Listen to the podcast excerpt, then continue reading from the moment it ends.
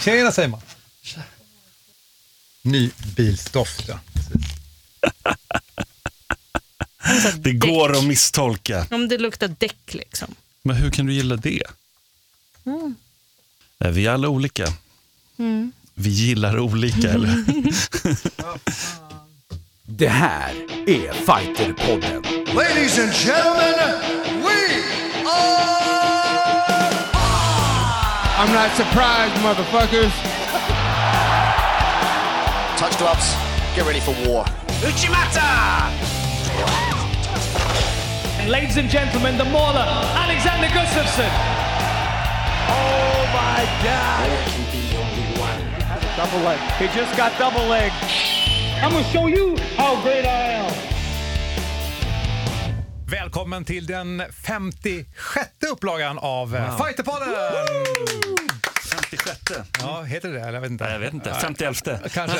Simon Kölle sitter där Ja, borta. det är jag. Ja, Elon Blad är här idag. Hallå. Och Mårten Söderström. Kul att du är med oss. Det är fighterpodden at fightermag.se om du vill kontakta oss. Ja, vad gör man Snabbt då? Ja, precis. Man skickar ett sms eller ett mejl. SMS gör man inte, mejl. Smsa Elin Blad då. så. Swisha oss. När... Ja, Ja, exakt. swisha mig med Jag tycker ditt mail går bra. önskemål, Mail så. går bra. Mm. Hur har veckan varit Elin? Den Eller har varit veckan sedan, det är två veckor. faktiskt. Ja, två veckor. Eh, jag tänkte på en grej nu när jag hörde vignetten. Vi, vi har ju någon liten så här Bruce Lee-grej i vignetten. Har ni sett den här eh, senaste Tarantino-filmen? Ja, Med- roligt. Ja, det, om ni inte har sett den, Once upon a time in Hollywood, det finns en scen där, där eh, Brad Pitts karaktär då slåss mot Bruce Lee på en set i en så här gammal Hollywood spaghetti western. Alltså det var, det var så roligt. Jag var och såg den igår. Jag kunde inte sluta skratta åt det Tyvärr blir det ju spoiler alert, här om vi tar upp den, men det är en väldigt kul scen. Ja. Och man tänker lite grann, det där är nog lite mer faktiskt hur Bruce Lee var. Han var ju ändå skådespelare. Vi säger inte mer än så. Se filmen. Tips. Ja. Jag gillar Bruce. Ja. Ja, ja. Ha, Nej, men jag har haft det bra. Jag haft det bra. Jag kämpar på som vanligt, eh, sliter och kämpar. Så. Nej, men jag gillar ju måndagar. Nu är det inte måndag idag när vi spelar in, men vi pratade om det innan podden här. Att, och det, jag tycker det är skönt. När man är glad att gå ut, då, då, att, det, att det är en ny vecka, det, då betyder det att man har ett bra, nice jobb. Bra. det. Och det är så jäkla mycket kampsportsgrejer just nu så att jag är peppad. Ja, det kommer ju till nyheterna snart. Ja. Vi pratade ju boxning sist, sist. Vi har ju sett Otto Wallin. Vi kan prata om det alldeles Det strax. kommer vi göra. Hur Hur din mår du, Mårten? Tackar Elin. Du är jättebra med mig. Allt är bra. Allt är bra och som sagt... eh, uttömmande och bra svar? Ja, men, men det är bra. Det är liksom full fart med jobbet. Det är mycket Mm. med radion. Jag arbetar med radio vid sidan om här. Eller det är mitt heltidsjobb. Det här är ju inte... Men jag har en fråga till dig Mårten. Eh, lite om det här med alltså Fighter TV och så. Jag skulle vilja bara kolla lite där. För att nu har vi fått upp, det kan inte ni heller se då, men nu har vi fått upp snygga liksom roll-ups här inne. Där det står om Fighterpodden och så här. Vi börjar synas och det här Fighter TV. Berätta lite om vad är det och vad händer? För det, Ja, det vi- börjar växa. Ja, men det är väl tre delar vi har. Vi har ju Fighterpodden, Mm. Fighter Mac känner till och sen är det Fighter TV som nu bygger successivt. Och det är ju streaming från jättemånga olika kampsportsgalor. Där kan man se boxning och man kan se MMA, man kan se thaiboxning till exempel. Det finns ett arkiv. Kommande nu är ju SM i som är i Östersund 5 Mm. oktober.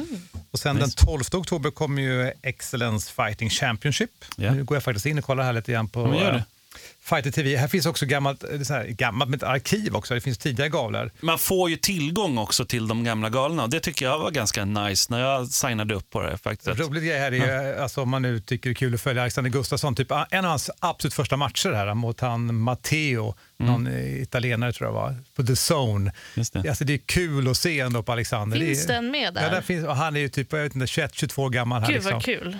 Det finns här kul. Så det är roligt. Men eh, så det är arkivmaterial och så, så byggs det på. Och om du har en gala, är arrangör, kontakta Fighter TV och eh, Mackan då, som är kontaktpersonen där, så kan det vara att just ert arrangemang kommer att livestreamas. Det är bra, kul. Mm. Mm. Det är väldigt roligt och det behövs mer organiserat och på ett bra sätt. Att man inte heller nödvändigtvis representerar en sajt på det sättet. Det här är kopplat till Fighterman men det, är ändå, det känns som att det är, det är liksom objektivt på det sättet. Att, Så är det. det, det Men gillar det är kul också att kunna få kunna ta del av eh, till exempel SM i BJ om jag har liksom en polare som ska gå där men jag ids inte fara upp till Östersund så Precis så. Precis så. kunna, Ja, nej, men det är bra. det. Ja, den här podden handlar ju om kampsport. Vi brukar säga det varje gång vi pratar om all typ av Ja. kampsport. Idag blir det lite speciellt. Eh, Vi ska bland annat prata om eh, bare knuckle boxing idag. Det är en svensk kille som har tagit en Europatitel där, han heter Gustav Sedermalm. Så han ska vi ringa, tänkte jag, sist i podden. Vi ska också ringa till vår eh, kanske bästa vän, Jack Hermansson. Wow, nice. Han ska gå en sån stor match, herregud. Liksom. laddar upp inför Köpenhamn här nästa helg. Gud vad kul. Och sen ska vi prata med vår näst bästa vän. Nej då. Nej, men, Hoppas inte eh, han hör det. Tror jag va. Rostem också som har en bästa. eh, ny match här nu, UFC 243. Mm. Så att det händer mycket. Så dagens podd har ni det. Jack Hermansson, Rostem Akman, Gustav då som handlar om bare knuckle boxing. Men nu är det dags för det här.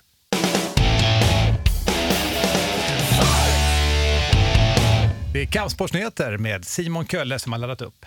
Jajamensan, vi börjar med boxning för en gångs skull faktiskt. Otto Wallin förlorade på domslut mot Tyson Fury i en jättegigantisk match verkligen, eller hur Elin? Jag vet inte om du har sett den. Men Jo, det, jag, jag satt och så, kollade på den på söndagen. Den var, även fast jag, jag, jag blev ju spoilad så fort jag Aha. googlade Mm. för att se den. Men, men eh, gud vad spännande den var. Vad kul det var. Vi blir- hade ju som sagt det som tema förra podden. Ja. Exakt, men när det blir också, när det betyder mycket, då får man ju den här extra nerv såklart. Det var, en jag har sett väldigt mycket Tyson Fury, jag tycker han såg ganska loj ut. Det var absolut inte hans bästa match. Hans pappa har ju gått ut efteråt och sagt att han sög, sög typ i den matchen. Men det tycker jag inte, det var lite hårt av pappa. Men eh, det var, det var ju lite som Paul Nielsen sa där också, som var förra podden med oss, då, boxningsexperten, att, att det var liksom oavsett, nu förlorade Jotto Wallin den här matchen då på domslut som sagt, och då, det, det höjde ändå hans aktier väldigt, väldigt mycket. Och dessutom fick ju Tyson Fury två cuts, alltså över Alltså där, höger de öga. här, där Mm. katten han fick, eh, jag trodde ju att, även, även fast jag visste att de inte skulle göra det, Mm. så tänkte jag bara de, de kommer ju behöva stoppa matchen. För det var så stort och så öppet och det var, var så stort att- många ronder kvar. Ja, men så var det ju, men det blö- blödde inte jättemycket ner i ögat och det var lite det liksom att, som gjorde att, men, men det är klart, det såg rätt nasty ut, det gjorde det ju ja, det var inte fräscht. Och Otto Wallin tog några ronder, det gjorde han absolut. Verkligen. Jag vill säga också att det här var den där matchen som gjorde att Otto Wallin som namn kom upp. Han har varit Absolut. ganska mycket alltså, i nyheter. Alltså, alla tidningar, tv, radio pratar om det här för att det, det blev en uppmärksammad match. För att han gjorde så bra ifrån sig. Verkligen. Kul. Ja, men så det, all, all kudos till honom. Ja, jag tänker boxning, då, då hoppar jag över till en annan. Jag börjar lite på svensk här från den här gången. Och då är, det var ju Alex Bjurberg Kesidis, alltså brottaren då, som apropå varit med mycket i media, han var med supermycket i varenda stor egentligen media nu senaste tiden. För han då var ju på VM i brottning och tog silver. Han, och han mötte en ungrare där som han för bara några månader sedan har slagit. Och jag tror att jag, jag, jag vet inte, kan inte hans mindset på något sätt, men bara så helt utifrån utan att ha någon koll på honom. Så jag var, var ändå så här, han borde slå där. Han har gått haft en hård turnering, slagit väldigt bra liksom, brottare. Så möter han en kille som han ändå har slagit rätt, rätt nyligen och han borde liksom vinna och så är det massa jättemedia i Sverige som ringde upp och ville ta snack med honom. Och sen torskade han finalen tyvärr. Han blev besegrad. Han Ja. blev besegrad tyvärr. Men det, det är ett silver och det är jättestort. Vi har inte haft många VM-medaljer. Alltså, Det är väl inte sen Lidberg? nej, det, det är några efter det, det är det absolut. Men, men, det är ju, eh, men det är inte många. Alltså. Nej. Det är väldigt, väldigt få. Men jag kör det här, nu hoppar jag tillbaka till UFC brukar jag börja med. Vi har haft UFC 242, Khabib Nurmagomedov som alltså Dustin Poirier där. Och eh, han vann över Dustin, inte helt superoväntat kanske. Tredje ronden på en rear naked choke.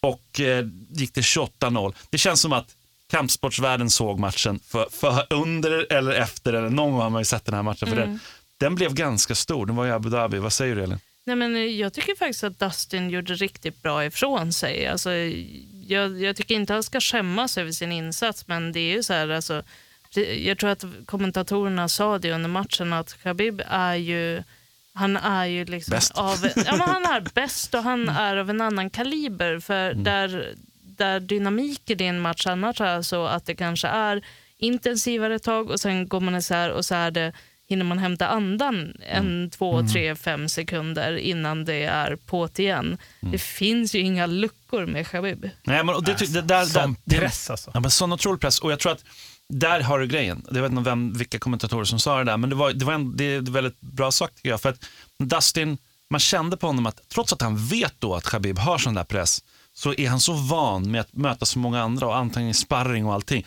att han tänker nu kan jag ta ett djupt andetag, liksom, ta det lite lugnt och där, då var han alltid. Det är som att, och, och Khabib är liksom expert på att se när någon slappnar av för bara ett litet, litet, litet ögonblick.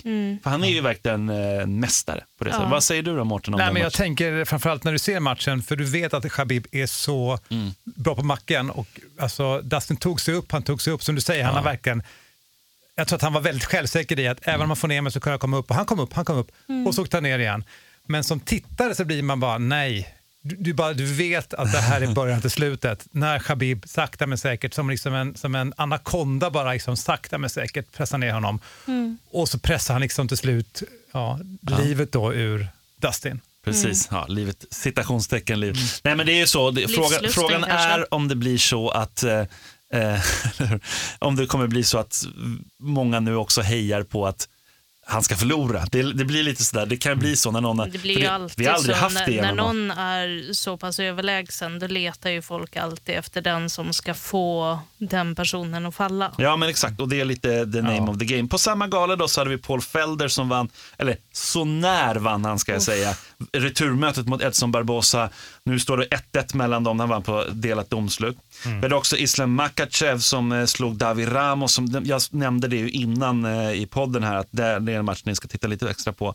Och då, nu har han 18-1 i rekord och 8, ra- eller 6 förlåt, raka segrar i eh, UFC. Så att, eh, han är ganska bra. Det var ju väldigt många av Khabibs polare och träningskompisar som gick matcher på galan och han sa ju efteråt Khabib att aldrig mer med mina vänner. Alltså, liksom. Det är ju så roligt för alla det här Dagestani-gänget, alla ser ju likadana ut också. Alla går till samma barberare.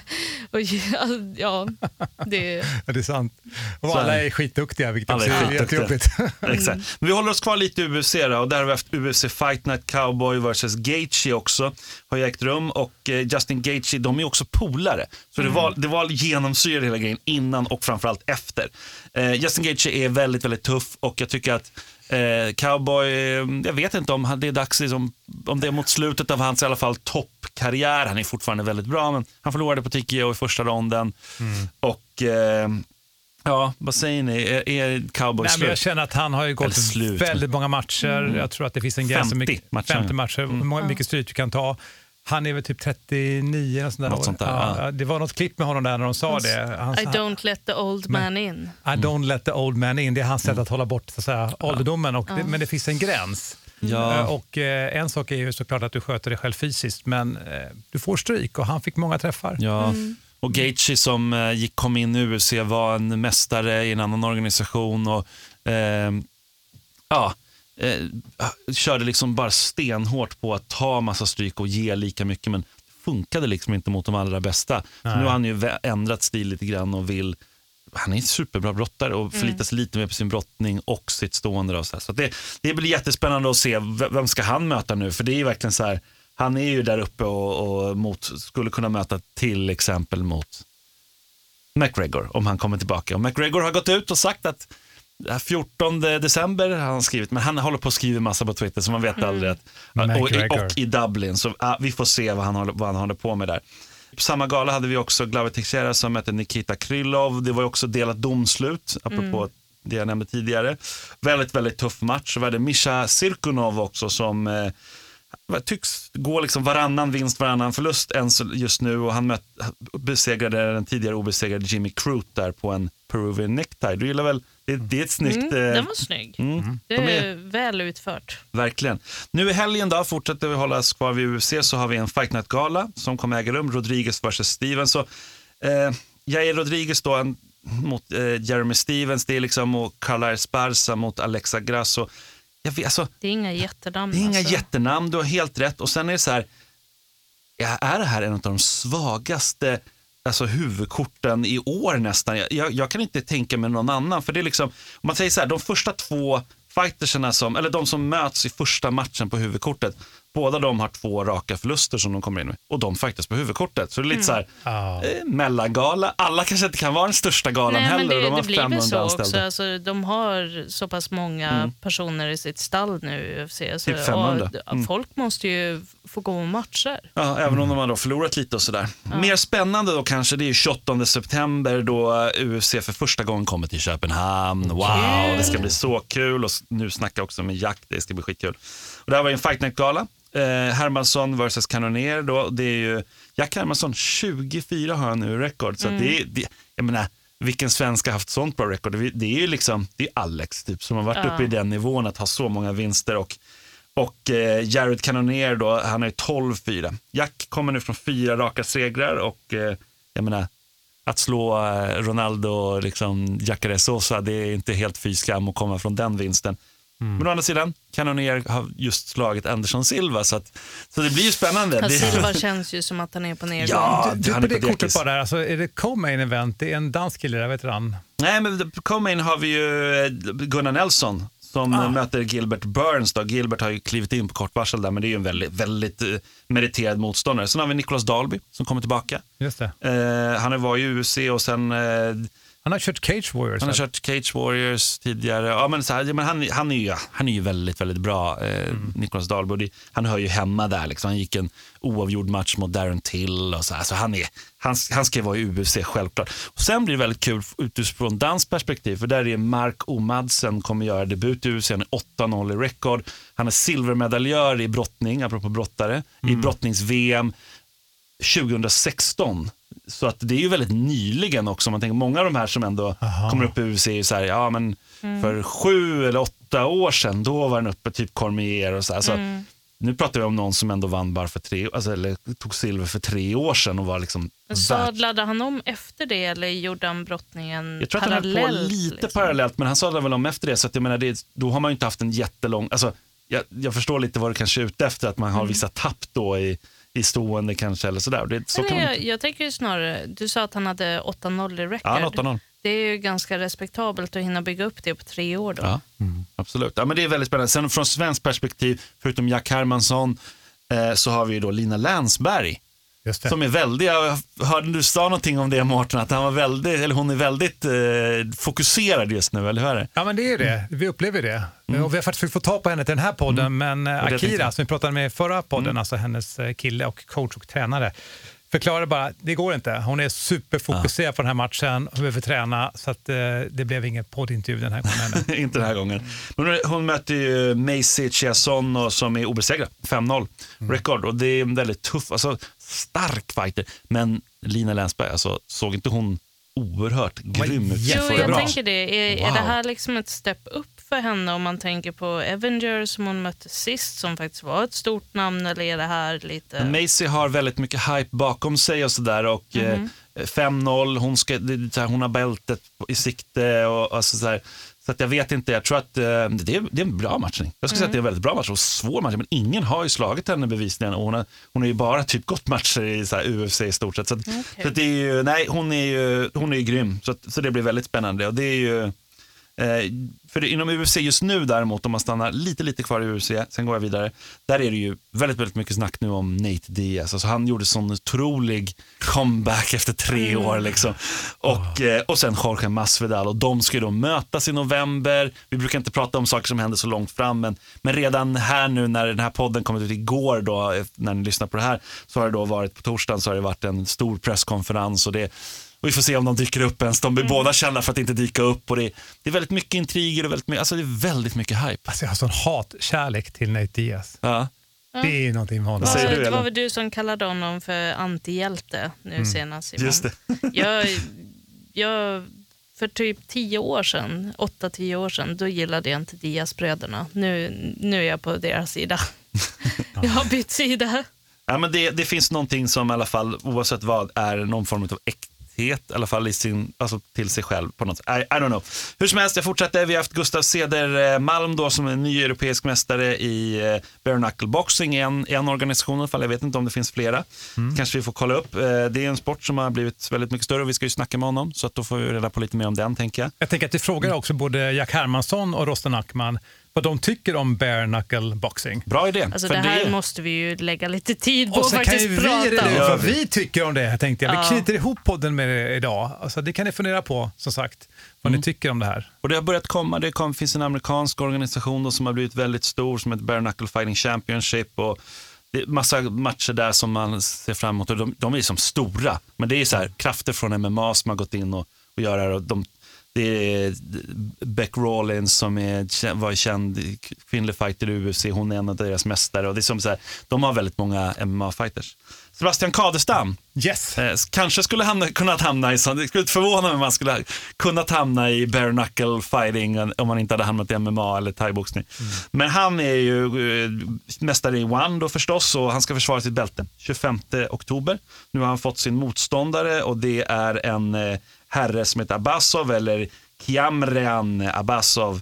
21 fyra hörn i rekord och det är en kille som senast avslutade Yoshinokami, den gamla UFC-veteranen Mm. på en TKO. Så att det är nog ingen duvunge det här som man kommer möta. Det är riktigt tuffing. Men det är klart, det är bältet. Då är det ju tuffa motståndare som man Spännande. möter. Och Bastian Karlstam brukar avsluta sina motståndare i sista ronden Mm. med väldigt lite kvar. Då ger han liksom allt. Det. Vi Väldigt, får väldigt försöka kul. prata med honom innan. Det tycker jag absolut. Eh, I Örebro så kommer det hållas en MMA-gala. Närrikes MMA, MMA Series kanske man ska säga då. Series 1. Eh, tre proffsmatcher kommer vara där och eh, vi kommer se Malin Hermansson som har fightats i Bellator. Hon är också klar för att, ska också fightas i eh, Superior Challenge. Eh, där kommer hon möta en Antonella Orlik och jag kollade upp henne och det är så här 0-1 i record. Alltså hon har bara en förlust, möter Malin Hermansson. Det är så här, Är det kanonmat eller? det är en tveksam matchning. Alltså. Det är, och antagligen är det, eftersom att MMA-förbundet har godkänt den så har hon säkert ett gediget record i någon annan sport. Just det. Eller, något sånt där, eller i, i amatör då, eller något sånt där. Och då är den ju självklart legitim. Mm. Jag litar på MMA-förbundet. Det brukar inte vara dåliga matcher speciellt ofta. Men det är ändå lite så här, inte lite halvsvårhypat då sådär. Det är väldigt bra matcher tycker jag på, de andra två proffsmatcherna är väldigt intressanta. Sen har de riktigt intressanta amatörmatcher och det, det är kul. Det händer någonting just nu i Sverige. Det kommer upp många nya galor. Det, det, det är väldigt Roligt. kul. Kul. AK Fighting pratas det väldigt mycket om och Superior Challenge. Eh, de liksom, har, det är långa ställtider nu. Det är så här, börja annonsera, här, vi har, den här fighten är signad, det börjar komma liksom nu i augusti. Superior Challenge har gala då i början av Men det är väl december. också en effekt av det, precis- som du sa, Ja. att det kommer fler och fler galor nu. Då vill du vara tidig och gå ut. Och det blir väldigt många gånger också du kan gå ut istället för bara ett pressmeddelande. Här är vårt matchkort, kolla in det. det blir, nu är det liksom 25 pressmeddelanden, man kan hålla igång ett intresse. Och så. Jag tänker ändå att det är så pass risky att hålla på och annonsa matcher ett, Mm. alltså fem månader i förväg. För det, det kan ju hända så jäkla mycket. Och det händer ju nästan alltid mycket. Ja. det är det. Ja, Folk det blir det. skadade Det ju- hit och dit det. och byter ut och sådär. Så, att det är, så är det ju. Anna Bernholm eh, kom ju femma i judo-VM, har vi pratat om tidigare. Nu har hon tagit ännu ett steg. Hon, hon fortsätter verkligen att gå upp på världsranken. Nu har hon rankat två i världen eh, som judoka då, i det, på den nivån. Och det är ju, eh, det har, det har vi inte haft någon gång förut. Så att, det- hon är ju unik där och det är, så här, det är verkligen ett hopp till OS. Så det ska bli väldigt, väldigt kul att få följa Jättekul, henne. spännande. Sist ut då så ska jag nämna Therese Gunnarsson som eh, många känner till. Hon var ju väldigt framgångsrik, eller är väldigt framgångsrik. Eh, svensk kickboxare från början som blev världsmästare. Sen gick hon över till thaiboxning och boxning faktiskt. Och, eh, hon tog ett brons på EM i thaiboxning, så det var väl hennes främsta merit där inom det. Nu har hon gått ut och eh, sagt att hon lägger handskarna på hyllan. Och, så att, eh, tack Therese för karriären. Du gjorde väldigt många glada och det var kul att följa henne verkligen under många år. Alles. Tack för det och tack för hennes fighting där genom åren. Mm. Men eh, jag tänkte väl att det är lika bra vi ringer nu till Jack Hermansson.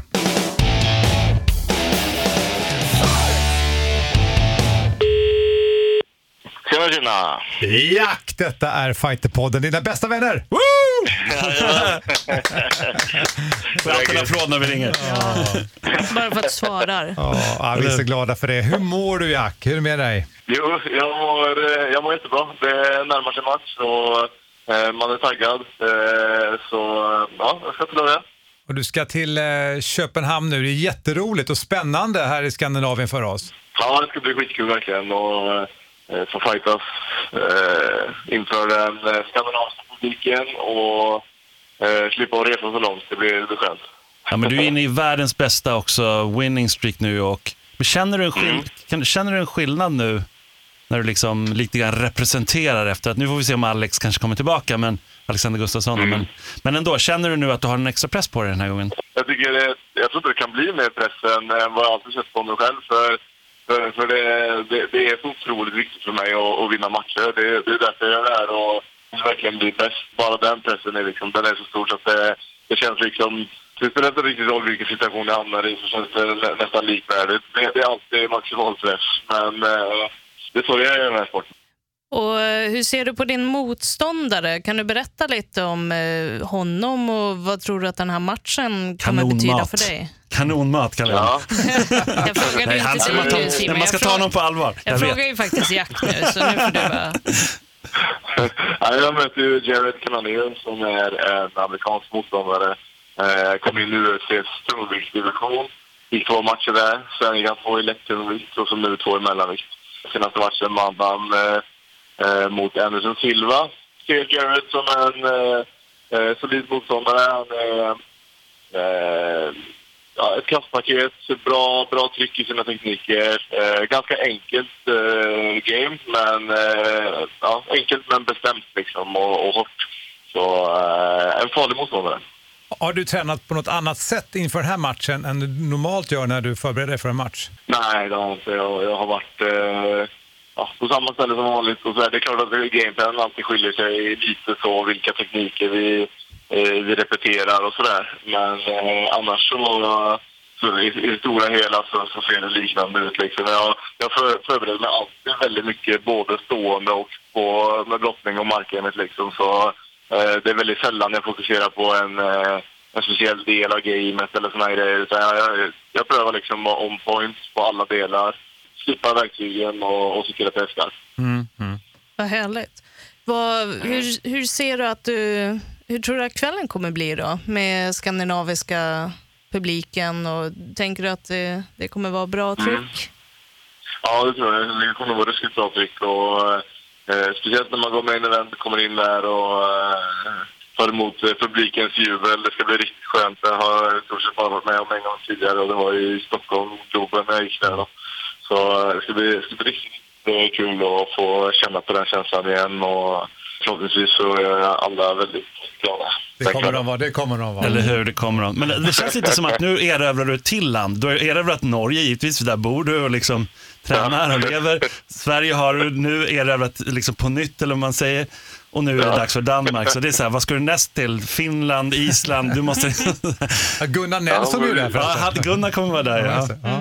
Men du har tränat med, med Volkan Östermyr har jag sett eh, på, bilder på. Ja. Hur har det varit?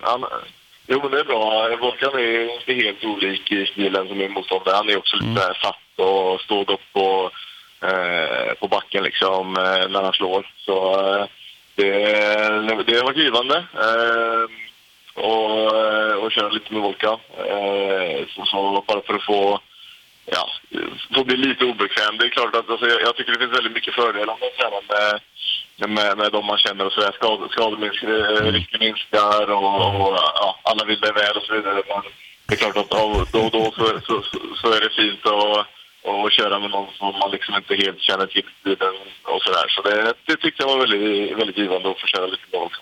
Det är så otroligt kul att följa din eh, karriär Jack. Alltså, det, har- det, dels, jag tror att du- från början alltså, tror jag lite grann har du varit du är lite oväntad som fighter, alltså så pass bra som du är var det nog Ja. få som förstod. Vi har pratat, som vi har pratat med dig i Ja. podden sen du egentligen liksom slog igenom. Och ditt, Ja. ditt markgame som varit ganska liksom, eh, underestimated liksom, inom den här sporten. Eh, Känner du att du är på din prime nu eller har du en nivå till? Jag, jag, jag tror att jag har nivå. Ja, jag tror att jag kan bli lite bättre och, och, och jag tror att det, det är verkligen det, det kommer vara tillräckligt. Jag känner ju fortfarande att det händer grejer. Det, alltså jag, jag blir ju lite, lite, lite bättre hela tiden och, och jag får till saker som jag inte fått till innan. Och, eh, så jag, det är liksom, jag, jag är övertygad om att jag utvecklas fortfarande. Och eh, så länge jag då kan hålla min fysiska form Eh, för det är oftast det som händer med många MMA-utövare. Anledningen till att man kan hålla på länge är ju för att man blir, man blir duktigare hela tiden. Ja. Men sen så är det klart att någon gång så säger ju kroppen lite stopp och sådär. Man hänger inte med, man är inte lika snabb, inga, det är inte lika bra reflexer och så vidare. Eh, men jag känner att eh, så länge min eh, eh, fysik hänger med, vilket jag verkligen jobbar för att den ska göra, så, eh, så, så blir jag bättre som, som utövare och, och jag tror verkligen att eh, Eh, nästa år, det är mitt, det är mitt golden year. Nice. Det- det- Åh, fan vad härligt. Du, du, så, du kan liksom verbalisera också hela grejen. Du kan ju liksom berätta. Det är inte alla fighters som kan det där och bara Du lägger Ja. upp det så snyggt. Fan, jag får gåshud där. Alltså. Ja. Och sen att du inte pratar norska med oss, det gläder vi oss. det är helt okej, jag har bott i Norge, det, det går bra. Det. Du, jag har två frågor till dig bara. Snabbt en grej. Jag tänker, alltså, i Norge är ju inte MMA tillåtet på, alls, på samma sätt som det är till exempel i... Alltså, tror du att du påverkar det? Alltså, är du en del i en rörelse nu som kommer att eh, förändra situationen? För att det har hänt i Danmark, tänker jag. Tänker jag. Så nu kanske det kommer hända i Ja. Norge? Jo, absolut. Det, det, det känner jag att jag är. Och, eh, jag har ju blivit ett, eh, en, en frontfigur här i, i Norge för MMA. Och, ja, jag hoppas att, eh, att min popularitet ska kunna hjälpa till och, och, och driva igenom ett, en lagändring och sådär då, så att vi får, får fightas här uppe också. Så det har varit väldigt kul för den kommande MMA-generationen också. Så, där. så eh, jag är prövad att, att vara en så bra förebild för, för MMA som möjligt eh, här uppe. Du, för, för något helt annat, vi, vi har ett tema idag faktiskt. eh, För det är så att det är en svensk kille som har tagit Europatiteln i bare knuckle boxing i England. Alltså, hur ser du på det? Det för mig så blir det inte... Jag tycker inte matcherna blir eh, bättre av att han kör runt som handskar. I MMA, vi måste ha små handskar för att kunna göra våra grepp och, eh, och utföra vår brottning och allt det där. Och, och jag känner liksom att det är ju eh, anledningen till att vi, till att vi använder det. Och att eh, ta av dem helt... Eh, jag tycker inte man behöver det. Så, eh, men det är klart, man ska få, få göra som man, som man vill. Det, det är jag för. Men eh, personligen så är det ingen favorit. Nej, det var ändå ett bra svar tycker jag. Intressant. Ja, men du Jack, eh, vi tänker att du får gå tillbaka nu och fortsätta träna. Jag kommer att vara i Köpenhamn, så att jag hoppas att jag träffar Ja, dig där nere vid ringside, äntligen. Absolut. Det, ska- det, det får vi se. Fan, har ingenting annat att tänka på Mårten. Han ska bara gå ma- världens största match typ. Nej, men det är härligt. Ja, jag tänkte så här, jag skulle bara säga att vi, vi kommer att festa efteråt oavsett. Absolut, Liksom. Ja, det är säkert. Det är bara att säga ja, Jack. Nej, men Jag grymt. ska, Stort jag lycka ska ha till. ett eh, afterparty efteråt, så då får du komma och, och hänga lite. Ja, det är fint. Ha det gott nu då. Ta hand om dig. Ta hand om dig. Tack så mycket. Hej då!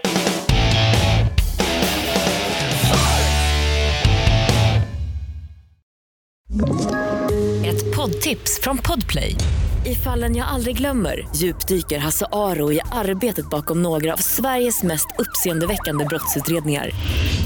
Går vi in med hemlig telefonavlyssning och, och då upplever vi att vi får en total förändring av hans beteende. Vad är det som händer nu? Vem är det som läcker?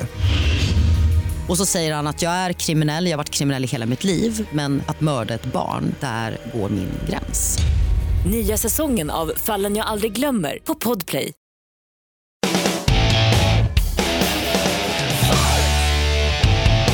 Vad menar du? Att det kommer inte vara det viktigaste att jag får träffa Jack? Nej, men det är ju... Nej, men eller hur? Det är Det är absolut näst, viktigast. näst viktigaste. Näst viktigast, Nej, eller hur? skojar. Efter, Ja. efter att han vinner, då kan han... Det är efterfesten där. Ja. I Christiania. Nej, jag skojar. Men jag tänker, senast var det ju när jag såg, eh, det var, jag, när jag var i Globen tänker jag, Mm. och såg eh, The Mauler och när han förlorade. Det är ju speciellt att sitta där inne. Mm. Man vill så gärna att de vinner. Mm. Jag tänkte inte att han skulle förlora, så gjorde han det. Och hela presskonferensen, alltså hela energin Mm. dog ju. Ja, det var ju så deppigt. Men jag tänker, det var ju många danskar som också kör match där. Ja, men de har ju det. Det är ju både Nicolas Dahlby och Marco Madsen där som, eh, han gör ju debut och Dahlby kommer tillbaka. Så att, ja men absolut, du har nog rätt där Mårten. Alltså det, de kommer ju såklart titta, på- man tittar på sina egna men samtidigt är det en sån stor match med någon från eh, grannlandet som, fast man tän- tänker själva om det skulle vara en dansk då, om Nicolas Dahlby skulle vara så där högt uppe.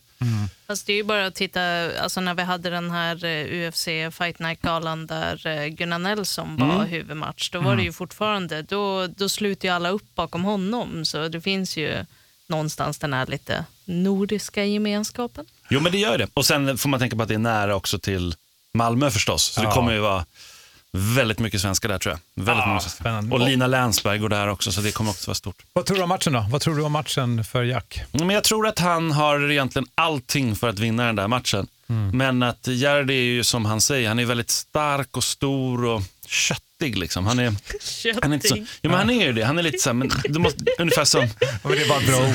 ja, men exakt. nej men eh, som Cormier också, köttig, köttig fighter liksom. Köttbulle. Ja, nej men inte köttbulle, men han, han, eh, han Cormier är liksom... är ju mer köttbulle. Ja, ja, precis. Det är han ju verkligen. Men jag vet inte, han, han slår hårt, sparkar hårt alltså, och är, är rätt bra brottare. Så att, men om man tittar på vilka Jack har slagit senaste tiden så, men, alltså att han slog Jacare. Liksom. Och jag tänker framförallt att han i stort sett brottade, brottade ut Ja. Jacare. Ja. Eller han gjorde det. Han, han gjorde det liksom. Eh, det är klart att... eh, Och det var Jacks svaghet en gång i tiden. Ja. Just brottningsbiten och att våga gå på lås, för han har ändå kunnat grappla länge. Men att verkligen våga gå på det, för när han var då, tidigt kom han ju med i Bellator, jag ska inte gå in på det för länge, historiken här, men då var han ganska tidigt i karriären, fick en chans i Bellator och han förlorade där. Han förlorade två matcher i Bellator. Och det, och det var just mot starka brottare som liksom brottade ner honom, höll ner honom och liksom gjorde kvällen lång för honom. Och då var det så här, "Ha, hur långt kommer Jack kunna gå då? Och så fick, började man se honom komma tillbaka och bara bli starkare och starkare, också brottare och vågade gå på lås. Det är ju intressant det han pratade om, just att han eh, ser till liksom att pusha sin fysik i takt med att han pushar sin tekniska förmåga Exakt. också. Sen, sen en väldigt viktig grej. Att ha något S i rockärmen som hans specialgiljotin. Alltså den, Att ha någon sån här go-to-move. Visst, alla vet ju om det. Men han tog alltså, så, det var otroligt nära att han satte den på Ronaldo Sosa Jacare. Alltså det är ju en världsgrappler på den absolut högsta nivån. I alla fall när han var aktiv som just grappler. Så att då kan man nog sätta det på i stort sett vem som helst. Alltså han kommer inte, och det vet ju alla om. Så att det, och det gör en extra stark. Tänk på Ja, Khabib, men alltså det- Khabib till det- exempel. det ju alla vet det, det är som ja, kryptonit mot dem. Khabib, så- Palhares, Ja. samma sak. Alla vet Med att han kommer... heel hook hade Palhares ja. Mm. Men folk fastnar i det ändå för han är så bra på det. Ja. spelar ingen roll om du vet.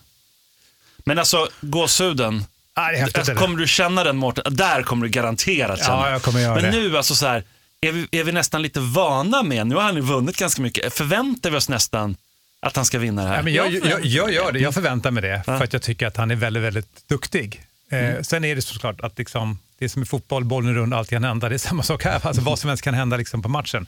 Men, Ja. men i och, så tänker vi, och så tänker vi att MMA blir lagligt i Norge, det blir titelförsvar i Norge, Ja. för det, han kommer ju hinna ta titeln innan det blir det såklart. Men jag, Ska ska säga, jag är väldigt förväntansfull. Det ska bli en kul match att se. Jag tycker det är jättekul. Och det är kul också att åka till Köpenhamn och kolla match. Absolut, absolut. Yes. En annan kille som ska gå match det är ju vår eh, kompis Rosten Ackman. Han har match Han har också hängt med oss. Jack har ju verkligen hängt med oss också. Det är roligt faktiskt när du sa det.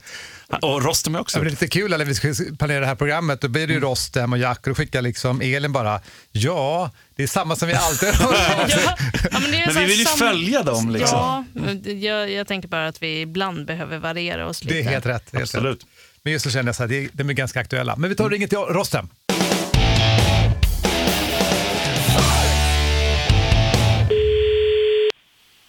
Tjena! Tjena Rosten, det är Fighterpodden. Den här gången visste jag att det var ni faktiskt. Du, sitter, du kör i bilen nu va? Det hörs, Ja, ja, det stämmer. Jag kör bil. Kör alltid bil när du pratar med oss. eller hur? Du, hur är läget? Nej, men det är bra, det är bra. Hur är det själva? Mycket bra. Vi är taggade. Vi är väldigt taggade. Vi har precis pratat med Jack Hermansson och då blir man ju också lite så här, ah, shit vilken stor match han går. Jack är grym. Jack är grym. Men det är ju du också Rosten. Och det, nu är det upp till bevis här. 5 oktober. Exakt, det är då det gäller. Det är då det smäller också. Verkligen, det är rätt. Det är en ganska grym gala som du kommer gå på. Kan, va, alltså, berätta lite om eh, galan.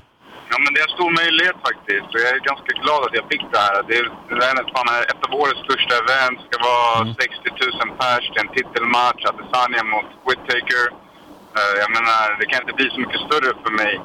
Och jag är fett, fett glad över den här möjligheten faktiskt. Och ser fram emot det faktiskt. Förra matchen var ju på väldigt kort varsel. Alltså, och även tycker jag, som vi snackade om det sist vi pratade i podden, att jag tyckte du gjorde en jättebra match, men ja, du förlorade. Ehm, det är helt andra förutsättningar den här gången. Hur har du förberett dig? Ja, det går inte så att jämföra med första matchen. Första matchen, då var det så jävla mycket den här veckan. Eh, Det var att du har fått UFC-kontrakt, du ska gå ner i vikt, du har fått en motståndare. Din kropp har inte läkt från förra matchen heller. Alltså det var, det var jävligt mycket. Det var kul, men nu det är helt andra bullar. Nu jag har kommit in i det. Jag, jag är bekväm med, med, med, att vara med i UFC. Det är inte så stort för mig nu och jag har varit förberedd med USA.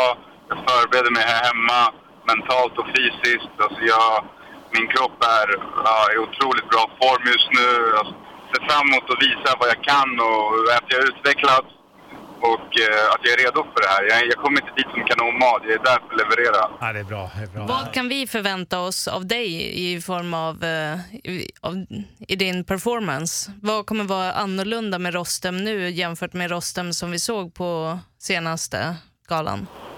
Alltså det är hela fokuset, alltså att jag har haft lång tid på mig att förbereda mig.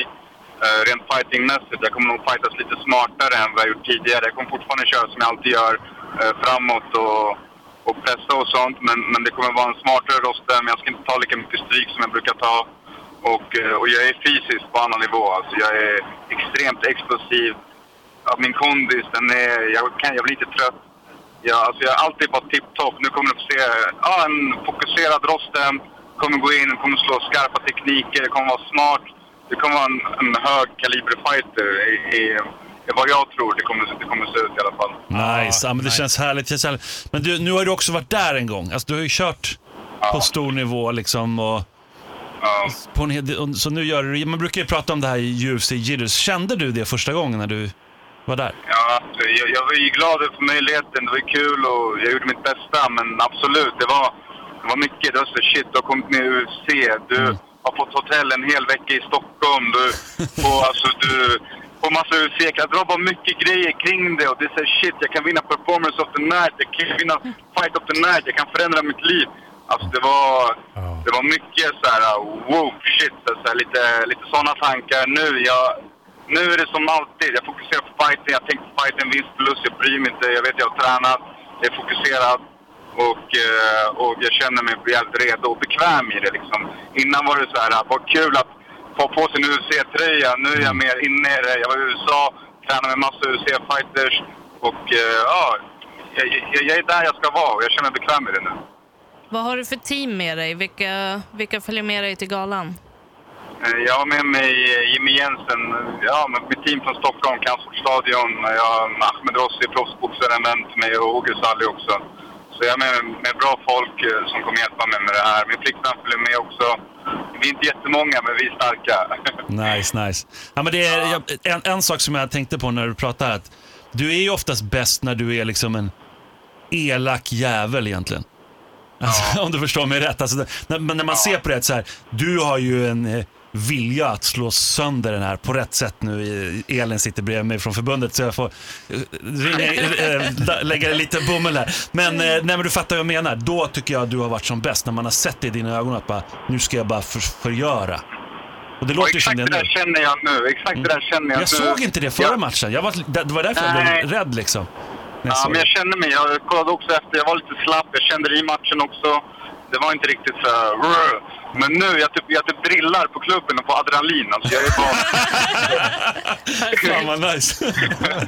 jag, jag, jag, är inte där för att vara tacksam att jag har fått chans att vara med i UFC. Jag är här för att faktiskt ta min chans och, och gå framåt och, och inte ha respekt för honom. Det har jag inte. Härligt. Riktigt grymt. Ja, riktigt bra. Du, bara en annan fråga. Vi har lite tema idag i podden för det är en svensk kille som har vunnit en Europatitel i sån här bare knuckle boxing. Hur ser du på det? Alltså, jag vet inte. Jag tycker det är ganska... Grattis till honom, jag vet inte vem det är, men, men det är lite brutalt om man får säga så när man själv håller på med MMA. Men alltså, tunna handskar, det förstör ansiktet. Eh, Jag vet inte. Jag, ja, jag vet inte. Det, det är väl kanske en ny grej som kommer slå igenom, ingen aning. Jag har inte så mycket åsikt. Jag tycker bara att det ser lite obehagligt ut när jag har sett folk i efterhand med sönderslagna ansiktet. Ja, jag vet inte. Det var Ja, ungefär samma som Jack Hermansson Ja, sa. väldigt likt. Jag tycker det är så kul när du säger det, för om man bara tar det citatet och plockar det så här 30 år tillbaka i tiden så var det en boxare som sa samma sak om MMA. Typ tio år tillbaka nästan. Nej, men liksom, typ. Ja, men fortfarande, hur kan ni slå folk på marken? De har exakt. problem med det liksom, fortfarande. Jag vet, det kanske blir värsta grejen. Jag, jag är väl old school eller new school. Ja, Ja, nu, nu kommer ju inte vi komma till galan när du fightas, men vi kommer alltså äta popcorn och chips och kolla på dig Rostem. Och vi Lätt. hoppas och håller tummarna hela vägen. Och det här kommer gå jättebra, det vet vi. kul, kul, kul att höra. Jag hoppas ni följer mig och jag lovar att jag kommer bjuda på allt jag har och det kommer vara en arg Rostem. Jag är jävligt taggad redan nu. Härligt. Ja, vad grymt. Ja, bra, vi håller alla tummar och eh, vi hörs efter galan. Ta hand om er nu.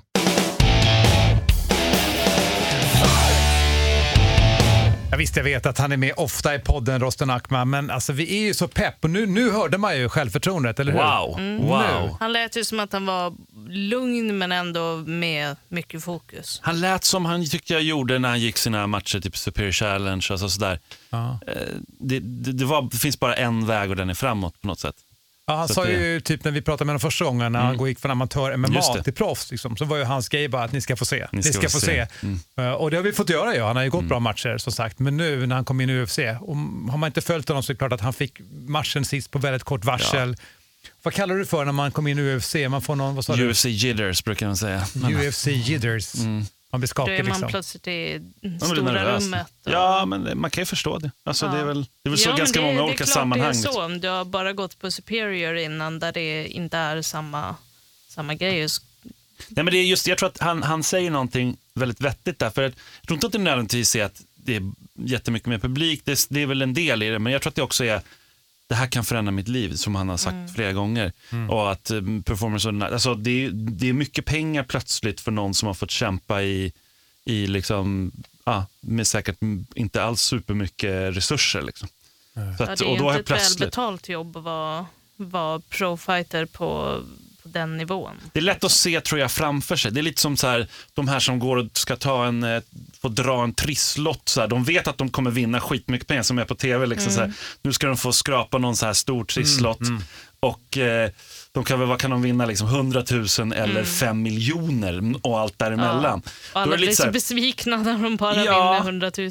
Ja men exakt, men att gå in, alltså lite den grejen att det Ja, är liksom fattar. svårt att på något sätt nu, att inte tänka då innan att så här, nu, vad ska jag göra då? Okej, jag får kanske i alla fall tre miljoner, kan köpa det, jag kan göra det, la la la la la. Mm. Gå ner i tid eller vad man nu vill göra. Men, I dag, dagsläget för sig, tre miljoner är inte skitmycket. Det räcker ju inte, Nej, det det, gör inte. ju inte det liksom.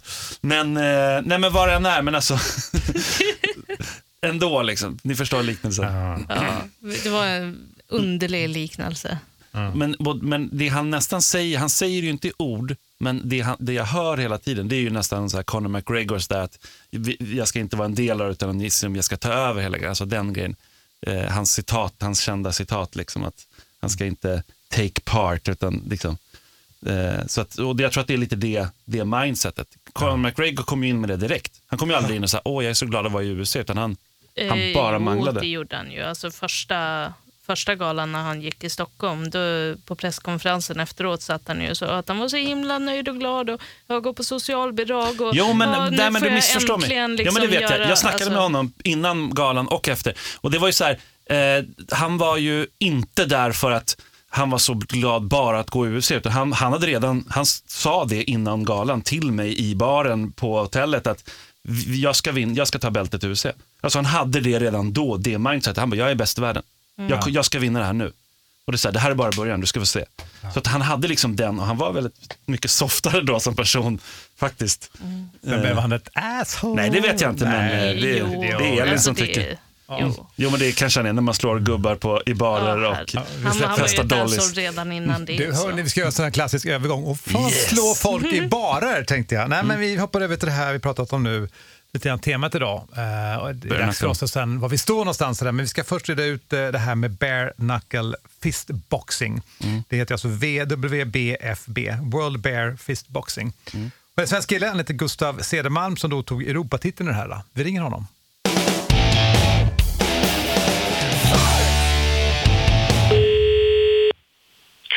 Eller är det Gustav? Gustav, detta är eh, Fighterpodden med Mårten, Simon och Elin. Tjena! Hej, hej! Du, vi har inte koll på dig, men vi förstår att du har gjort en bedrift att ta ett Europatiteln i eh, bare knuckle boxing. Grymt, Ja, det stämmer. Stort grattis till det. verkligen. Tack så mycket det. Vi har faktiskt satt eh, lite tema i podden idag och eh, vi har pratat med Jack Hermansson för en stund sedan och Rosten Ackman. Vi har frågat dem också vad de tycker om bare knuckle boxing. Det ska du få höra alldeles strax. Men eh, berätta lite grann kort om den sporten. Skiljer den sig från boxning på något annat sätt än att inte ni har handskar på er? Nej, egentligen inte. Ehm, det är precis som boxning. Ehm, utan handskar liksom. Ehm, man får räkningar upp till 10. Vissa organisationer har upp till 20 för att man ska få en chans att återhämta sig. Men den organisationen jag tävlar i, de, de har bara upp till 10. Ehm, så det är egentligen ingen skillnad fr- från boxning. Hur länge har du hållit på med det här? Hur, hur kom det sig att du började med det? Det är faktiskt min eh, debutmatch som jag gick nu i helgen. Wow. Men jag har alltid haft ett intresse och jag har sagt att jag alltid har velat gå en sån här match. Och jag har gått mindre och- organiserade såna här matcher. Ehm, Så du, du fick alltså gå en titelmatch som din första match? yes. För, det- för det, så, ja, men det, det är någon form av underground-rörelse, men de försöker göra den här bare knuckle-boxingen mer, vad ska man säga, organiserad liksom, och etablerad. Precis, precis. I många länder så är det inte tillåtet att gå utan handskar, men i England och några stater i USA så, så är det. Och det börjar bli rätt pop, poppis och stort. Men vad fick dig att ta av dig handskarna? Vad var det som lockade? Mm, det är med adrenalin helt klart, för det gör jävligt mycket undare och för ett slag utan handskar. Vi kan ju komma in på det, för vi frågade som sagt Jack och eh, Rosten, båda två hade ett ganska ska man säga, politiskt korrekt svar. De sa väl att vill man göra det får man göra det, men de skulle inte göra det för det är bara att titta på ansiktet på de som har gått en sån match. Håller du med? Ehm, nej, mitt ansikte ser bra ut fortfarande. Så. Det är nice. Ja, Det är men nice. lite det som Jack sa var väl att, eh, att, eh, att det kändes onödigt att, eh, att börja fightas utan handskar. För i MMA då, då behöver man ha så pass små handskar för att fortfarande kunna brottas och Mm. kunna Mm. utföra grapplingen. Där finns liksom ett syfte med att handskarna är små, men att ta av sig dem helt tyckte väl, om jag förstod Jack rätt, så tyckte han att det, det var onödigt helt enkelt. Men är det verkligen helt av då? Eller har, för jag tänker på den här som jag sett i USA, då, då är de ju ändå tejpade. Liksom. De har ju tejpat händerna. Hade, hade du ja, tejpade vi har, händer? vi har tejpat. Ja. En, liksom så här, lind, linda och tejpa. Så det är lite ändå, det är ju bara en, alltså, det är ändå ett visst skydd. För du bryter ju inte handen varje gång men du det, är match. Liksom. Nej, precis. Det är bara för att skydda händerna. Men det, Men när du får en riktig höger utan handske respektive med handske, vad skulle du beskriva är skillnaden? ja, ja, det är en jäkla skillnad. Det gör ju väldigt mycket undare utan handskar såklart. Och det gör att man boxas på ett annat sätt när man går utan handskar. Ehm, Är man försiktigare alltså, håller, när du säger boxas på ett annat sätt? Man blir försiktigare och man vågar kanske inte gå och mm, slänga ut sin grabb bara lite sådär hur som helst. Utan man, chans, man chansar inte utan det man gör det, det, det måste sitta liksom. Men du som ändå är inne i den här rörelsen, eller vad vi ska kalla det, vad, vad är det för sorts människor som lockas till det här skulle du säga? Ja, egentligen som till vilken kampsport som helst. Ehm, jag kan tänka mig förr var det väl mycket busar och så här men För det kan man ju säga bara man, om jag tittar på min egen erfarenhet av vissa, vissa kampsportevenemang eller klubbar man har varit på så har det varit mycket mer till exempel på Rumble of the Kings när man gick på de galorna var det mycket, betydligt fler som var lite mer åt eh, ansiktstatuering, krim och huliganhållet jämfört med tidiga Superior Challenge-galor. Det är liksom det jag Mm. försöker fiska efter. ja, jo det kanske det, det kanske det. Um, kanske är lite mer tatuerade ansikten på sådana här galor. Men, men jag tycker det är intressant Gustav, jag tänker så här att allting, eh, jag brukar kalla att det normaliseras. Vi pratade om det förut, Mm. men innan alltså MMA kom liksom för 25 år sedan så var det som att det var helt extremt. Sen har det blivit normaliserat. Idag är Mm, det, mm. alltså nu kan Axa liksom gröt sponsra en MMA-fighter och det, ja, det har blivit en naturlig del. Men, men alla sporter har ju också delar där det blir extremare. Man blir extremare i skidåkningen, man blir extremare i många andra sporter. Så här. Kanske en Mm. nivå att, att kampsporten är på väg i nästa så säga, extrema nivå. Kan du se det så? Jag vet att det är många som tycker att det, är, att det kanske inte är riktigt rumsrent, att det är mer slagsmål än kampsport. Men jag, jag vet inte. Jag tycker det är jäkligt... Det är fortfarande, man står upp till en gentlemannasport. Bara det att man har inte sina handskar på sig. Eh, Så att det blir såklart knockout i typ alla, eh, alla matcher. Men eh, Men, men den här matchen du gick nu, hur, var det en eh, snabb match eller var det en lång match? Hur gick den? det gick två runder, eller 30 sekunder in i andra runden så lyckades jag få ner honom. Um, så i en boxningsmatch hade man väl sagt att det var snabbt, men i Benacle så var det väl hyfsat, hyfsat, hyfsat långt. Men vad, vad ser du för framtid nu inom den här, alltså, vill du satsa på det? Vill du komma typ till USA och gå de här riktigt stora matcherna eller vad, vad ser du? Eller är du, gör du det här mest för skoj? Jag gör det mest för skoj, helt klart. Ehm, men nu när jag tog en titel så är det inte helt omöjligt att man vill, um, gå en ännu större match såklart. Men någon kommer väl vilja ta det här bältet ifrån dig? Jag hoppas det. Ja. Du bara, du är välkommen att komma. Välkommen, välkommen. Ja, Ja, vad roligt. Ja, men det är spännande Gustav. Eh, Kul att prata med dig och spännande att se vad det här tar vägen. Mm. Ja. Verkligen, vi ska följa dig. Tack för chansen att vara med i podden. För det uppskattas.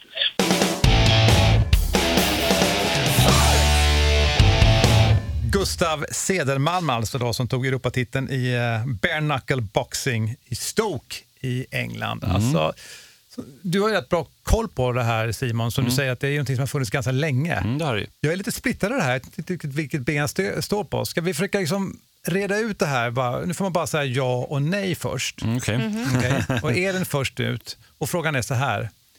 Tycker du att bare knuckle boxing ska godkännas och finnas i Sverige? Om jag tycker att det ska det. Ja, det är du. Det här är ett politikersvar, då säger man Mm. frågan igen. Förbundet. Mm. Nej, men det, man kan ju ha olika, alltså om jag har två olika hattar på Ja, mig så för har jag på mig förbundshatten. Nej, nu är det bara Elins hatt här. Ja, bara, bara Elins hatt. Alltså, jag skulle tycka att det, det var lite hyckleri att, eh, att komma liksom och påstå att det aldrig skulle få ha en plats i svensk idrott. För vad är det egentligen som säger det? Är det den här en centimeter tunna handsken som profighters har? Alltså, med, med tanke på liksom den bakgrunden som MMA har haft, Mm. att, att det har varit dödsgladiatorsport som sen nu har blivit, precis som du sa när vi pratade om honom, nu kan ju så här AXA sponsra en fighter och det Mm. är okej. Vad- Jag skulle tycka att det var väldigt inskränkt och lite Så ditt hycklande svar av mig. är- Så Ja. ja. Ja. Simon? Nej, men jag tycker absolut att det kan finnas. Kort svar. Bra! Här är inte jag Alltså, jag tycker inte att man kan svara bara ja eller nej, på den frågan. Fast det måste man kunna göra. Alltså, det är klart man kan ha olika anledningar. För annars är det så här, ja, under andra förutsättningar eller om de har handskar på sig. Nej, frågan är alltså om detta är nu en bare knuckle boxing. Eh, Vad säger jag, du själv då? Nej, men jag skulle säga faktiskt, eftersom jag kommer från en kampsportsbakgrund och det finns redan kampsporter som har fighting utan handskar. Man har alltså knockdown-karate Mm, eh, och sådär. Eh, jag skulle säga att jag säger ja till det faktiskt. Mm. Nej, men säkert man, alltså jag tänker också så här att om man ska ta det lite djupare än att bara säga ja eller nej, så skulle jag säga att eh, det också finns ju en poäng med att han hade gått lite illegala matcher, då eller illegala eller vad man nu ska kalla det- dem, det var ju underground-matcher. mellan raderna Ja, men det är ju det. det han sa. Ja, men så här, sådana som inte är sanktionerade, icke-sanktionerade i alla fall. Ja, det är underground, Underground-matcher, sånt finns.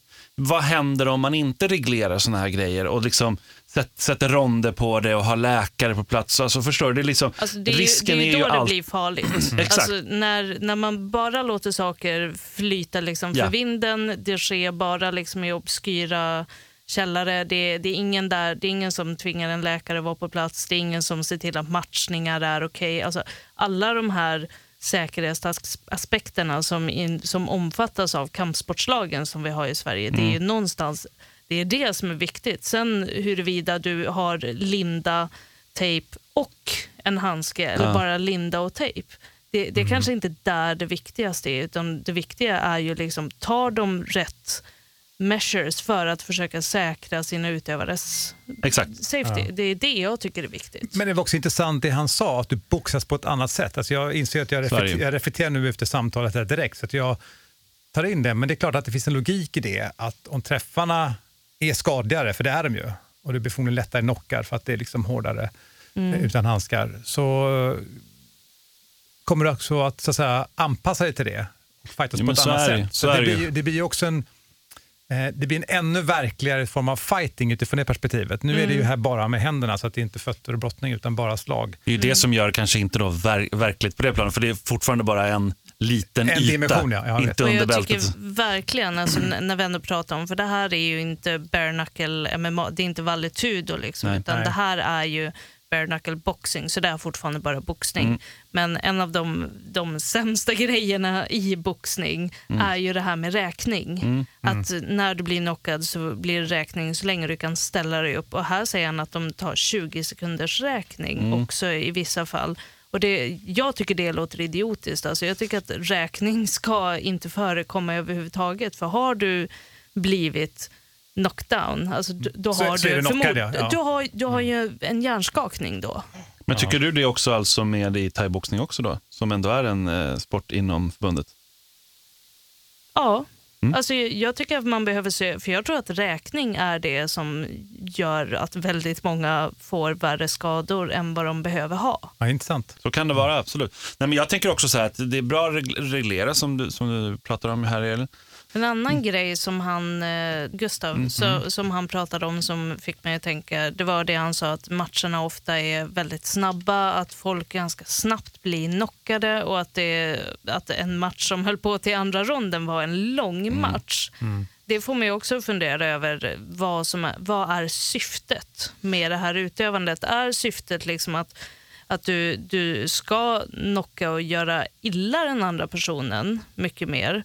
För, för det, det låter ju inte som att man går in i en bare knuckle fight och försöker vara tekniskt och eh, vad heter det, strategiskt överlägsen. Det han lite grann näm- nämner här, eller pratar om lite grann, det är ju, det är ju tecken på att matcherna kanske inte är superbra alltid matchade. Mm. Eller att det är, när det är liksom stort sett, det, här, det där var ju inte an, en underground-gala, men när det är helt underground, då kan det ju vara liksom folk som inte kanske är världens alltid eh, i bästa shape, i bästa form. Ja, som möter någon som är... som sin första match ja, men det är för att han säkert har ett rykte inom sig, inom liksom icke-sanktionerad, det måste ju Mm. vara det. Men, men det kan ju vara liksom någon som inte är så vältränad som möter någon som är vältränad och det kan vara någon som, Mm. som han då, som, där, där jag antar, bara gissar, eh, har ett rykte om sig att vara liksom grym. Det är ingen gröngöling, Nej, alltså. han har ju Nej. tagit en smäll och gett en smäll förut. Liksom. Men, men ändå, det är ju, det är ju väldigt intressant att, att, eh, att se och, och någonstans vad boxningen har blivit formaliserad, alltså vanlig boxning då med stora handskar. Det var ju det Mm. lite Chael Sonnen påpekade efter den där fighten när Artem ändå slog en tidigare världsmästare i boxning, alltså i vanlig boxning Mm. då, i bare knuckle. Och då blev det, okej han är inte i sin prime och han har egentligen slutat och allting i karriären, men, men ändå så var det att det sa någonting helt plötsligt när det kommer, för Artem Lobov var ju Mm. absolut en bra fighter, men han var ju inte liksom övre toppen av UFC eller någon sån där. Alltså, och han Nej. åkte ju ändå ut ur UFC och hade väl han hade typ 13 eller 13 eller något sånt där i record, alltså lika Mm. många förluster som vinster i MMA och sen så kommer han in och slår en tidigare världsmästare. Då, då blev det lite så här, Kjellsonen gick ju så långt att säga att eh, är- kan det vara så att boxning är fake? Alltså att, vi, att på Alltså- grund av deras stora handskar och allting, eh, han är det är, det är Kjellsonen liksom. Älskar det, Så- älskar det. Och det är Men- liksom så här, för, att, för att han menar på att vi har avslöjat så många andra liksom bullshido liksom Mm. sporter och andra sporter som fake då att funka på riktigt. Jag tror inte nödvändigtvis att boxning är fake, Nej, men, men boxningen, har ju, boxningen har ju någonstans tagit död på sig själv lite. Alltså Mm. boxningen som fenomen, idrott, eh, liksom organisatoriskt så har ju boxningen tagit död på sig själv lite. Varför då? Ja, men det här med att man delade upp... eh, Del, att det, Så många bälten Ja, men det. det, Mm. är många bälten och så här. Det är någonting så, jag, jag pratade faktiskt med min kille om det här igår och det han sa var att det, det som får väldigt många att vilja titta på idrott är för att kunna avgöra vem är bäst. Mm, Och, och då är det inte så här, vem är bäst mot det här halvdana motståndet, vem är bäst mot det här halvdana motståndet? För det är ju någonstans det i UFC, så där det är liksom en liga, det finns ordentliga rankings, folk möts på ett sånt sätt. I boxning så blev det ju så småningom att matchningarna handlade mycket mer, och det pratade med Paul Nilsen från podden Ringhörnan förra veckan, att han sa att matchningar i boxning, typ som den här som gjordes nu mellan Tyson Fury och Otto Wallin, att det handlar mer om att lägga en bra match i väntan på nästa match. Och att där handlar det ju inte om att ja, men om nu Tyson Fury är typ en av världens bästa, då ska han möta en annan av världens bästa. Mm. Så någonstans där och att det är fyra olika bälten väldigt... Släpp in mig nu, för nu, jag, nu var, ja, det, var, Jag det, var, det var en bra rant, intressant rant. Men, men däremot så kan jag tycka så här att, bara för att jag måste få svara på någonting som du sa innan där, du hade pratat med din kille om det här med att man inte vill se dassiga.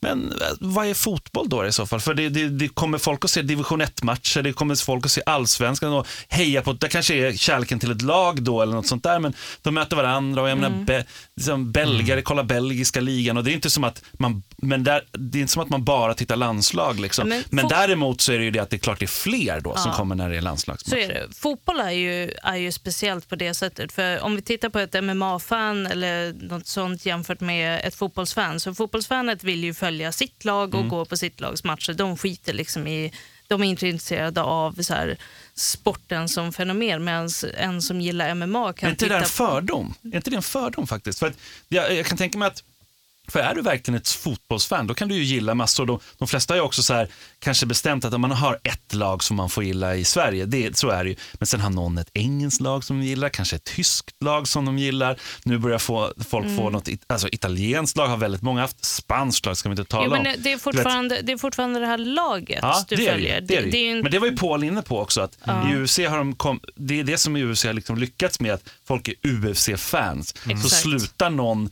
eh, gå matcher eller lägga handskarna på hyllan eller något sådär, kommer man fortfarande gilla, liksom, för att man, och det har jag också varit, pratat väldigt mycket om också tidigare, Mm. att man gillar liksom sporten. Och då kan man då, en bra match är en bra match är en bra match. Det är Mm. liksom inte så här, det behöver nödvändigtvis inte vara om bältet. Och i fighting, det, det är ju inte mätbart heller. Du kan ju inte mäta fighting på det sättet som vi Nej. pratar om. Så här, om, om nu sport handlar om att man vill veta vem som är bäst, Mm. då, då vill man ju att de som är bäst ska mötas. Sen är det ju så att skulle Usain Bolt springa någonstans med folk som var jättekass, Mm. man skulle fortfarande kunna se på klockan att ja, men Ja, han är faktiskt snabbast i världen. Liksom. Mm. Exakt, men i MMA eller i boxning eller i någonting som inte är mätbart i meter, sekunder, Mm. kilon. Mm. Vad, hur, hur ska vi då veta vem som är bäst? Nej, det är genom att de möter varandra såklart. Mm. Det, det är det det handlar om såklart. Det var det du är inne på. Men det är ju, det är lite, man brukar säga att all form av sport är någon form av ritualiser, eller variant egentligen av en kamp. Va? Liksom. Mm. Alltså det är så här, Mm. du ska få in en boll i ett mål, okay, men det, Ska sy- mäta på något det sätt, symboliserar egentligen en fight. Det är liksom så här, du ska lyckas med någonting, du ska kämpa mot någon annan. Det, är- oftast är det så, inte kanske allt då, då. Men eh, simning kanske inte är det, jag inte vet jag. Men det är ofta så här. Jo, det, simma fortast. Ja, jo, men så, jag menar, det är en kamp, liksom en fight. Så här. Och det ju, Och, det kan ju vara mot, mot, mot en Ja. annan människa eller mot så här, Ja, men att du vinner. gravitation, Ja, men, så, höjdhopp, men, så är det. men jag tänker mig att det är, det är någon form av egent- alltså, fotboll och då är det ju så här, det är ju egentligen typ två arméer, de är elva stycken på varje sida. Det blir liksom, det, är egent- egentligen, alltså, så här, det går att se det på det sättet. Ja. Och då är det lite så här, hur långt ska man dra det? För nu drar vi det då med bare knuckle. Jag tänker att det skulle kunna funka. Jag ser, ser att det, man borde liksom föra in det i ljuset istället för att hålla det i mörkret. Men eh, det är min anledning lite. Men jag tänker också så här, jaha okej, vad händer då om folk jag hållit på väldigt mycket med vapenbud då, eller så här, HEMA och så. Vad händer då om man tar in och folk börjar fightas med kniv? Liksom? Mm. Alltså, så här, ja, fast vi, som mensurfäktning då, som var jättestort i Europa under lång tid, då man faktiskt skar varandra i ansiktet. Det var ju, det var ju så här begränsat att man fick bara skära liksom på kinderna. Så här. Men det var ju ändå, det, så här, det har man lite svårt att se idag. Va? Liksom, att, ja, men här, de står, och ska vi prata om det i Fighterpodden, att så här, men de skar varandra, hur många gånger skar du honom? Liksom? Nej, fem. Mm. Typ. Nej, men, men det, jag är vet ju, inte. det är ju trender. Alltså, Det är trender. Så är det ju. Och lyfter man liksom blicken längre än vad vi har gjort nu, då kommer man ju precis som du säger att ett tag så var det fäktning som var okej och sen Mm. var det bara boxning som var en gentlemannasport. Mm. Sen, sen var det taekwondo som först var farligt och sen blev Ja, det- något som alla barn gör. Vi ska avsluta här nu, men jag ska bara säga det, det, det för det är exakt så som du säger såklart. Det var en, om man ska dra det historiskt då, som upp, uppenbarligen någon i alla fall uppskattar, det, då är det ju sportifieringen som kom på 1800-talet. Att, för det var liksom, all sporterna fanns ju innan såklart. Mm. Men det var just att, vänta nu, vi behöver lite mer regler, vi behöver kanske en domare, vi behöver liksom titta på det här att det finns ett system, någon ska leda det hit och dit. Mm. Och det kallas ju då sportifiering och då till exempel den moderna liksom, OS-fäktningen kom ju då. Det fanns dueller långt innan det. Herregud, dueller har funnits väldigt länge. Kasta handskar på folk. Ah, ja, men precis. De var ju också ritualiserade, men det är ändå en led av det, ett led av det. Så det här är ett steg tillbaka lite. Mm. Det här går ju lite tillbaka, någonting som inte riktigt har passat in bland de vanliga sporterna. Så att, ja, vi kan prata om det här länge. Och jag tror att det är en, ja, även om det funnits gammalt så är det tillbaka och jag tror att liksom, det här som är lite extremare, det, man liksom lyfter hela tiden nivån. Jag tror inte det är sista gången vi kommer prata bare knuckle boxing. Nej, det tror inte jag heller. Men om det dyker upp i Sverige organiserat, ja, vi får se. Det skulle vara väldigt intressant om de kom liksom med, och sen nu är vi ett förbund här, Ja. vi vill komma med in i förbundet. Så Och då är ju frågan, vad är det som säger att vi, att vi ska säga nej? Ja. Har, du, vi ha... har du som lyssnar nu, säger jag. har du funderingar, återkom till oss. Fighterpodden Verkligen. at fightermag.se.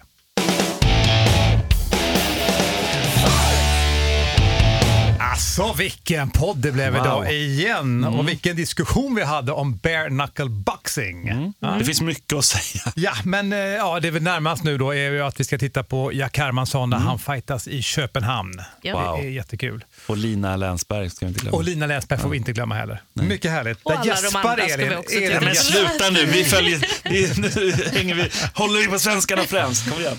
Du, vill du höra av dig till vår podd så gör du det till fighterpodden at fightermag.se. Då Yes. säger vi tack till Elin Blad. Tack, tack. Simon Kölle. Tack, tack. Jag heter Mårten Söderström. Vi hörs om två veckor. Oss! Fighterpodden produceras av Suba Media för Radio Play. Ett poddtips från Podplay. I podden Något Kaiko garanterar östgötarna Brutti och jag, Davva, dig en stor dos skratt. Där följer jag pladask för köttätandet igen. Man är lite som en jävla vampyr. Man har fått lite blodsmak och då måste man ha mer. Udda spaningar, fängslande anekdoter och en och annan arg rant. Jag måste ha mitt kaffe på morgonen för annars är jag ingen trevlig människa. Då är du ingen trevlig människa, punkt. Något Kaiko, hör du på Podplay. Därför arkadeinerna.